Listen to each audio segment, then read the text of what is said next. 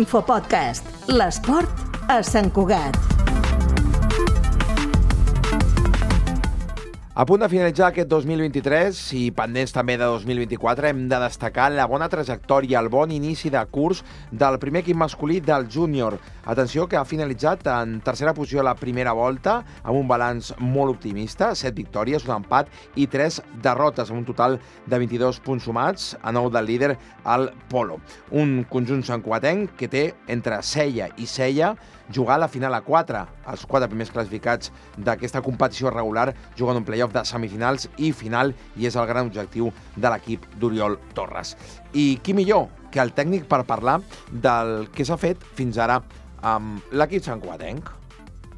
Fem una valoració molt positiva de la primera volta. Hem aconseguit eh, un dels objectius que ens vam marcar a principi de temporada, que era intentar estar entre els entre els quatre primers. Uh, finalment ho hem aconseguit en, en solitari i bé, al final hem perdut només tres partits, que són els tres partits contra els rivals anomenats top, com Egara, Club de Campo i Polo, i vam rascar un empat amb l'Atlètic uh, i la resta ho comptabilitzem en victòries i hem, anat, hem, hem fet ja desplaçaments complicats com el cas de la Complutense a Madrid, hem anat ja a Canàries, i qui millor que el nostre company César Martínez, que sempre segueix fil parlant de l'actualitat d'aquest eh, conjunt de l'hoquei herba. César, molt bon dia. Molt bon dia, Joan. On trobem les claus perquè aquest júnior de les últimes temporades, aquesta, hagi tingut aquest rendiment tan brillant?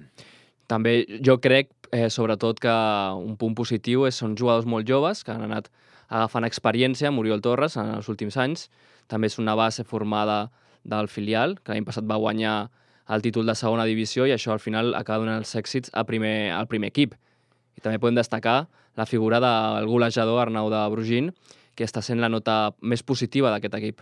Sí, recordem que Arnau de Brugin eh, la temporada passada va ser el màxim golejador de la competició i enguany n'emporta 9 de dianes. Sí que és veritat que està una miqueta lluny del màxim golejador, eh, el jugador del eh, club de Campo, un dels eh, referents, però, en tot cas, dianes molt, molt valuoses. Creus que el júnior, sincerament, arribarà a jugar a la final a 4?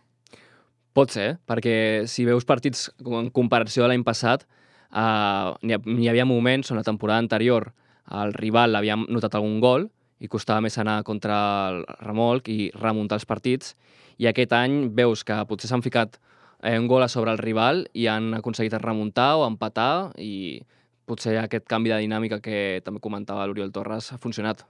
Molt bé, doncs esperem que funcioni. Recordin, la tornada de competició el 3 de març començaran rebent a, ni més ni menys que el líder, el Polo. Gràcies, César.